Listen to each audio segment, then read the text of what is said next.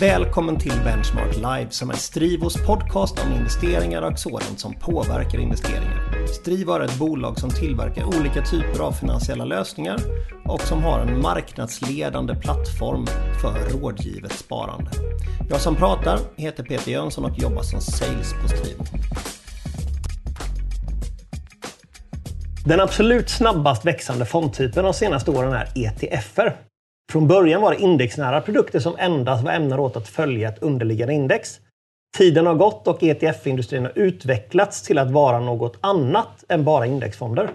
Idag är utbudet mer eller mindre oändligt, varför Strivo nyligen har tecknat avtal med Amundi för att erbjuda deras ETFer på vår plattform. Och för att lära oss mer om ETFer och Amundis utbud kommer vi idag ha två stycken gäster med oss. John Nesterborn från Strivo och senare i avsnittet även Ita Vingård från Amundi. Välkommen till Benchmark Live. Vi börjar med John. Eh, kan inte du berätta lite vad din roll är på Strivo, John? Jo, jag heter John Nestenborg och jag sitter eh, på exekveringsavdelningen som är en del av Securities. Så jag och mina kollegor hjälper Strivos kunder att handla på, på börsen, eh, i andrahandsmarknaden på strukturerade produkter eh, eller köpa och sälja aktier, AIFer och också då ETFer numera. Just det. Så allting som är börshandlat, inte fond med andra ord? Exakt. Allt som handlas i realtid på börs mm. hjälper vi våra kunder med att handla. Eh, och du är ju en ETF-stjärna vad jag förstår. Men ETF betyder ju Exchange Traded Fund, vilket då på svenska betyder börshandlad fond. Men vad är egentligen en ETF om man liksom förklarar det stora begreppet? Ja, det är precis som du säger, en börshandlad fond där navet rör sig Eh, under börsets öppettider så att du kan få exponering när du vill under dagen. Så priset rör sig under hela tiden, varje sekund, eh, beroende på hur underliggande går. Och navet ska i så fall återspeglas på börsen med en liten bid-ask spread. Så om du vill köpa in det på morgonen kan du göra det. Vill du köpa in det på kvällen kan du göra det. En fond brukar vanligtvis prissättas en gång om dagen eller till och med veckohandlas. Eller, eller månadshandlas. månadshandlas. Så att, eh, och missar du vissa cut-off-tider så kan du ibland få T plus 1 eller T plus 2 när du mm. väl köper en fond. Och du säger T plus 1, vad innebär det? Eh, skulle jag missa en cut-off-tid för en fond, du måste skicka in en köporder vad är det, innan 11 eller 10 på morgonen mm. för att få dagens kurs. Missar du den så kan du få morgondagens eller Just två det, dagar precis. framåt. Så om det är en måndag eftermiddag och jag vill köpa en Sverigefond, yes. då får jag inte måndag, måndags stängningskurs utan då får jag tisdagens stängningskurs. Det är så jag uppfattat det. Ja. Du får inte måndagen. Nej, precis. Och är det då en amerikansk fond eller en japansk fond man vill köpa, yes. då måste man vänta tills det blir liksom, då kanske det är T plus 2. Precis. Det vill säga man får onsdagens kurs istället för måndagens kurs när man väl tog beslutet. Precis. Du har inte realtidsexponeringen som du har med ETF då. Nej, eh, precis. Vilket du kan komma åt så länge börsen är öppen. Liksom. Och för de flesta så är det inget problem, ska man säga, med tanke på att de flesta kanske köper en fond och vill ha den ett antal år i alla fall, precis. Eh, gissningsvis. Vad är det mer för skillnad mellan fond och ETF? Um... Ehm, Man brukar ju prata om den stora skillnaden, vilket också är priset eller um, avgiften på de Just olika. Det. En ETF har generellt sett, och nästan eh, om man kollar på det, brutalt stor eller mycket lägre pris mot en vanlig fond. Mm. Till och med om man jämför en indexfond och en index-ETF kan det vara hälften så billigt att äga en index-ETF. Eh, och det är väl lite så ETF har konkurrerat med eh, de stora fondbolagen. Det är genom priset. Då. Precis. Um, och likheter då finns det, precis som en fond vet jag, är ju minst antal underliggande aktier. Till exempel om det är en aktiefond, det är ju 16 stycken. Så man får någon riskspridning. I UCITS, Hur är det i, ja, i UCITS, ja precis. I ETF-världen då, finns det någon sån begränsning där? Eh, nej, är väl den generella frågan. Är det en aktie-UCITS ETF, då, då går det under samma direktiv och har 16 underliggande. Men det finns ju ETFer som bara har en underliggande, det vill säga betarörelse mot en råvara eller en valuta eller ett, till och med ett index. Så när de inte äger underliggande aktier så kan det bara handla på termin eller swappar mot, eh, mot det här indexet. Då. Så att eh, nej. Ja, exakt. Men om man då äger en, en, eh, en aktieindex-ETF så har den bara ett underliggande index. Men det indexet består ju kanske av 500 bolag Precis. om det är då en SP500 ETF. Ja. ja. Men då förstår jag. Måste en ETF ha en förvaltare? Eller liksom eh, sköts det per automatik? Eh, det ska sägas att majoriteten av ETFer är såklart passivt förvaltade. Då är det mer, det är ju såklart ett ETF-hus bakom som Amundi, Lyxor, mm. iShares. Mm. Eh, då är ju förvaltningen systematiserad så att det kommer in pengar och ett, eh, en termin köps eller eh, ett aktieindex köps eller vad det nu är.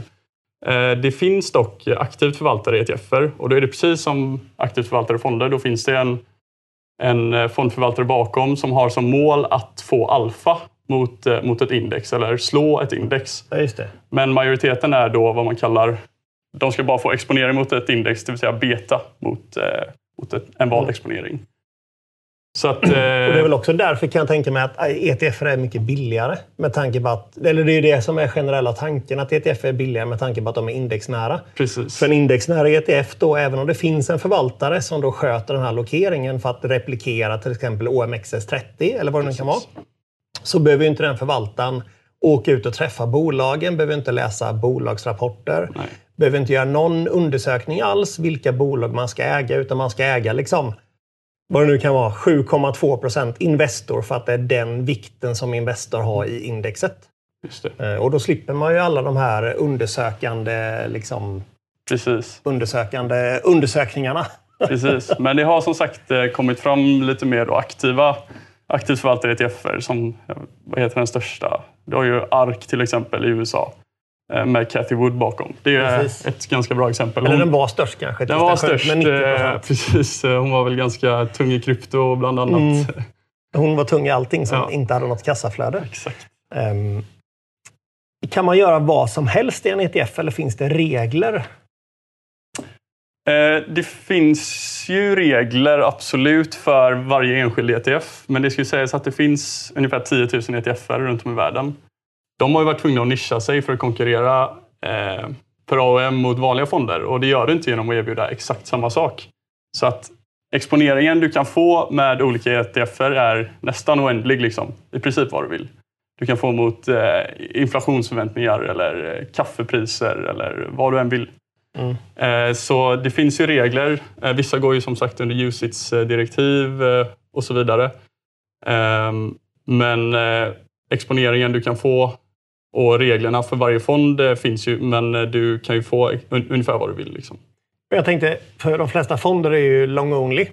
Mm. Finns det ETF, eller är alla ETF också long-only, att du bara tjänar på uppgång? Eller? Nej, det finns ju såklart eh, ETF som, eh, man säga, de, de går kort ett index kan man säga. Det finns ju kort Eurostox eller kort S&P. Mm. Du kan till och med gå kort eh, inflationen eller du kan gå lång yield-kurvan. Det finns eh, det finns eh, i princip inga regler mot, eh, mot vad eh, din ETF kan göra så länge det står i fondbestämmelserna såklart, mm. när du mm. säljer din fond. Men när du väl har spikat det så är det bara i princip att köra. Och sen har jag hört också om att det finns ETF som är, hur ska man uttrycka de har hävstång. Så att om du tror på Stockholmsbörsen yes. så kan du köpa Stockholmsbörsens index med 1 till 1 förhållande eller 2 till 1 förhållande Precis. dag över dag. Det går absolut. Vilket innebär att om, börsen, om du tror på börsen och så köper du ETFen för 100 eh, kronor på morgonen och så går börsen upp 1 och så har du två hävstång, då tjänar du 2 den dagen. Eh, för att det är då extra liksom, hög hävstång i den ETFen. Och det finns väl upp till, jag tror det finns upp till alltså, 10 gånger och 12 ja, gånger. Och så, det finns väldigt det... riskabla. Man ska ju säga då att de här som är, ju mer hävstång de har, desto sämre blir det att äga dem över tiden. Precis. Med tanke på att, och desto dyrare också. Ja, desto sägas. dyrare, precis. Eh, men det här med höga hävstånger eh, är inte... Det är såklart högre risk, men eh, jag tror det högsta du kan få egentligen är ungefär tre eller fyra gånger hävstången. Okay. Så de här gånger tio, det är mer de här ETC-erna eller ETN-erna du kan köpa. Ah, okay. Mini L och Mini S. Liksom. Mm, men då är jag med. Och som sagt, ingen av de här belånade eller de hävstångs-ETFerna är ju lämpade för att hålla över flera år. Nej, precis. Det är ju för spekulation. Det är trading-instrument trading. egentligen. Absolut. Um, sen så finns det en del case-ETFer. Uh, eh, typ att den bara köper bolag med väldigt låga P tal eller bara köper bolag inom um, gruvindustrin eller bara köper bolag inom vindkraft. Eller, ja. Hög utdelning. Ja, men precis. precis. Eh, och sånt finns det väl väldigt mycket också? Ja, det finns en uppsjö av, eh, vad kan man kalla det, fundamenta-ETFer som, eh, som optimerar sin portfölj efter till exempel nyckeltal Mm. som låg P eller hög direktavkastning eller högt kassaflöde sett till börsvärde. Det finns ju en uppsjö av sådana och det är ju det som är det fina med ETFer att du, eh, du kan hitta sådana nischade case. Säg att du, du är en sån som tror på men ett bolag ska, ska ha högt kassaflöde. Då kan du eh, köpa en ETF som bara riktar sig mot bolag till exempel inom S&P 500. De väljer ut de bolagen och överviktar de som har bra kassaflöde sett Mm. till börsvärde. Liksom. Mm. Så att eh, det finns ju absolut eh, låga P tal eh, bra kassaflöde, hög direktavkastning. Det, det är bara pick and choose. Man kanske skulle kunna jämföra ETF-industrin med ett träd. Ja. Nu är jag ute och blir filosofisk, men från början var det ju en indexfond som följde SP500. Mm. Det gissar jag på var en av de första ETFerna. Och sen när tiden går så blir det ju smalare och tunnare grenar. Vilket gör, vad jag, innebär, vad jag menar den här eh, liksom, liknelsen är att de blir mer och mer specialiserade. Eh, De här stora finns ju kvar, så stammen finns ju kvar. Men ju mer tiden går, desto mer specialiserat blir hela industrin. Precis. Och ju smalare och smalare och smalare exponering kan man få, Precis. eh, har jag en känsla av. Ehm, Trädet växer på höjden och på bredden kan man ja, säga. exakt. Exakt. Ehm, om man är intresserad av en, eh, att få exponering mot råvaror, för råvaror har gått väldigt bra i år ju. Mm. Eh, om man ska köpa en fond, så vad jag vet så finns det inga fonder som kan köpa en råvara. Utan det finns ju bara fonder som kan köpa ett råvaruaktiebolag. Ehm, men när det gäller ETFer så stämmer ju inte det, utan där kan du få exponering mot just en råvara eller råvaruindex. Precis. Eh, många ETFer, som vi pratade om det här trädet, då, vissa grenar av den är riktade mot råvaror. Och Det är inte så att de köper till exempel koppar och lägger det på, på ett lager någonstans, utan de handlar ju på termin och är antingen långa eller korta. Då. Du Mm. kan köpa mot koppar, kaffe, majs. Eh, det finns ju en uppsjö. När alla råvaror du kan handla terminer på, då är, är det med hög sannolikhet att det finns en ETF som kan exponera dig mot just det. Mm. Och I vanliga fonder då ser du ju mer råvarufond eller core commodity-fond. Liksom. Och det går ju att få exponering antingen då via bolagen, men ETFer kan nischa till det lite mer så om du bara tror på en speciell råvara eller kärnråvaror. Liksom. Ja, precis. Då kan du få den exponeringen via ETFer just då. Vanligaste tror jag är att man köper någonting som heter guldfond. Typ. Precis. Eh, bla, bla, bla, gold. Och så tror man att man får en guldexponering Mm. när du egentligen får guldgruvbolag Exakt. som exponering. Exakt. Vilket då har belåningsgrad och det kan vara fel på deras gruvor. Det kan Exakt. vara allt möjligt. Du får inte liksom exponera mot guldpriset om det är det du tror på. Nej. Men det kan man ju då få genom en ETF, att få exponera på just Precis. guldpriset. Precis. Terminerna, genom att bygga upp en strategi där du är när du får, visst du får in pengar, då är det bara att köpa terminer på, på ett pris. Liksom. Då, då kan du få direkt exponering mot, mot just indexet. Då. Säg att det är guld, eller silver eller koppar. Liksom. Mm. Så det går absolut. Ja, men grymt John! Eh, Jag tackar så mycket för detta. Eh, Och eh, så går vi över till ITA som då ska få prata lite mer om Amundis utbud och vad de gör för någonting. Tack så mycket John! Tack! Välkommen till Benchmark Live! Tack så jättemycket. Kul att ha dig här! Tack. Kul att vara här. Du jobbar idag som sales på Amundi. Kan du berätta lite mer om bolaget Amundi? Jag tror inte att många i Sverige känner till det jättemycket kanske. Nej, precis. Eh, Så Amundi grundades för 12 år sedan, eh, 2010, eh, genom en sammanslagning mellan två franska bankers kapitalförvaltningsverksamhet. Eh, Och idag är Amundi den största kapitalförvaltaren i Europa. Oj, det här har jag inte en aning om. Är de, hur mycket vad är förvaltat kapital? Eh, Så vi förvaltar närmare eh, 2000 miljarder euro. Oj, Precis, så vi är störst i Europa och så är vi topp 10 då globalt sett. Oj, oj. oj. Eh, och vi har, eh, vi har över 5 000 anställda. Eh, kontor i 35 länder över hela världen. Och här i Norden så har vi kontor i Stockholm och i Helsingfors. Okej. Det är ett jättestort bolag då. Ja. Men alltså, jag kan knappt... Typ Blackrock är större kanske? Blackrock är det... Vanguard kanske? Precis. Så Blackrock Vanguard är ju ja, topp. Mm, Topp, de verkligen. två största. Men då måste ni vara mycket större än våra svenska storbanker också, tänker jag. I assets under management. Ja, precis.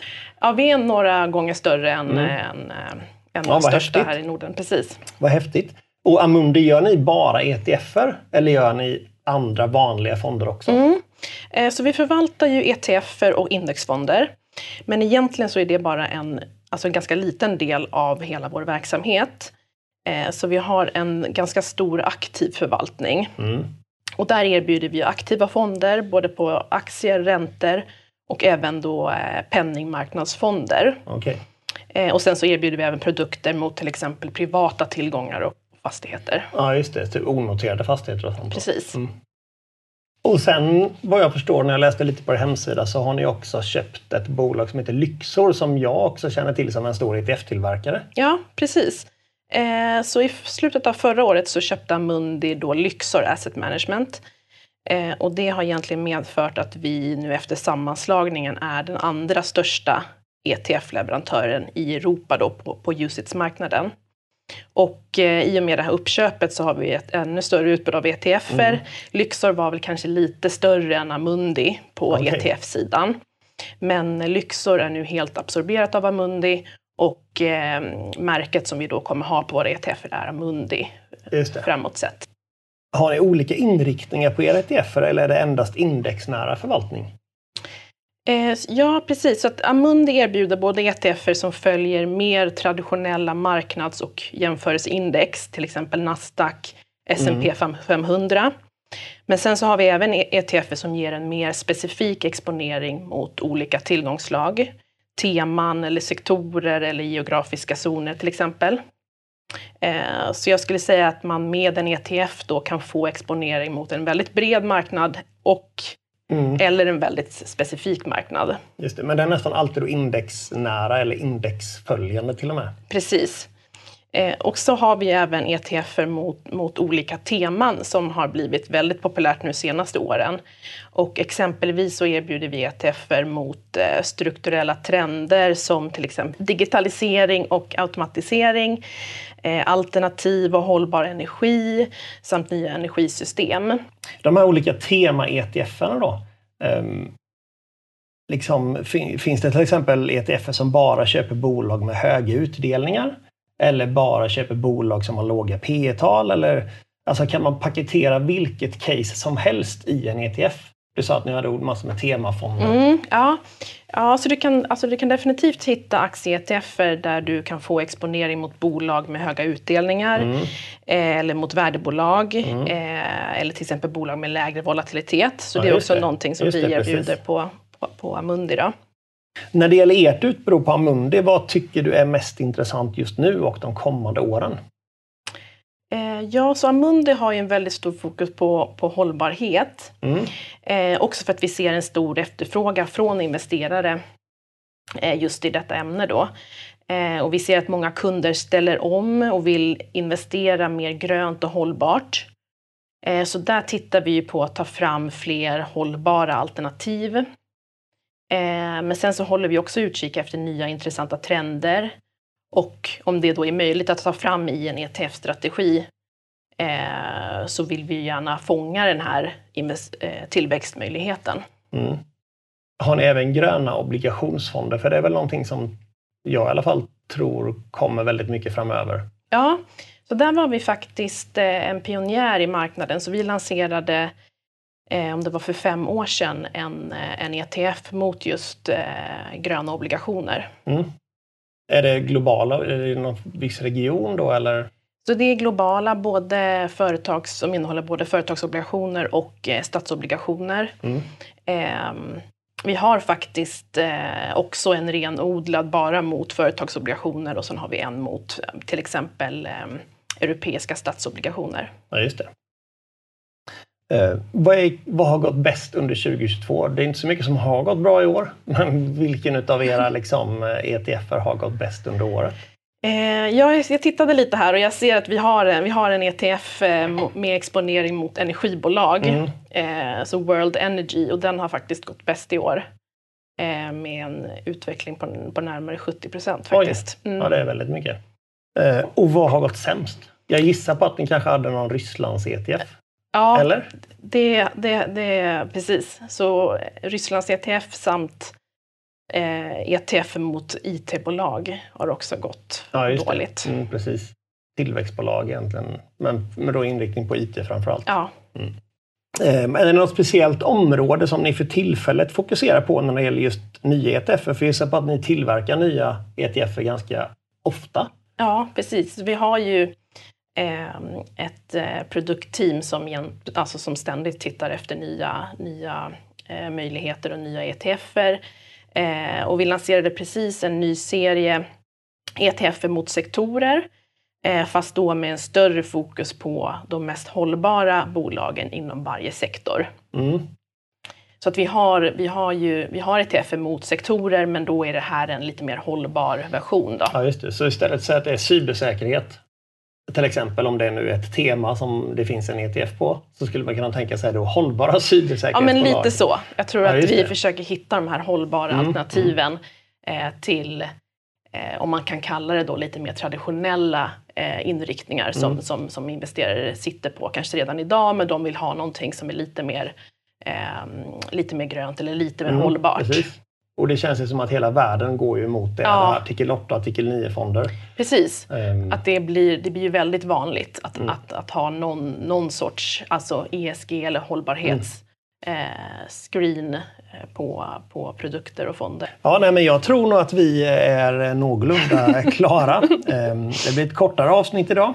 Eh, Men vi ville bara få en liten inblick i ETF-världen och eh, ehm, Amundis värld av utbud också. Så tack så mycket Ita för att eh, du kom hit. Tack så jättemycket. Tack. för att du var med.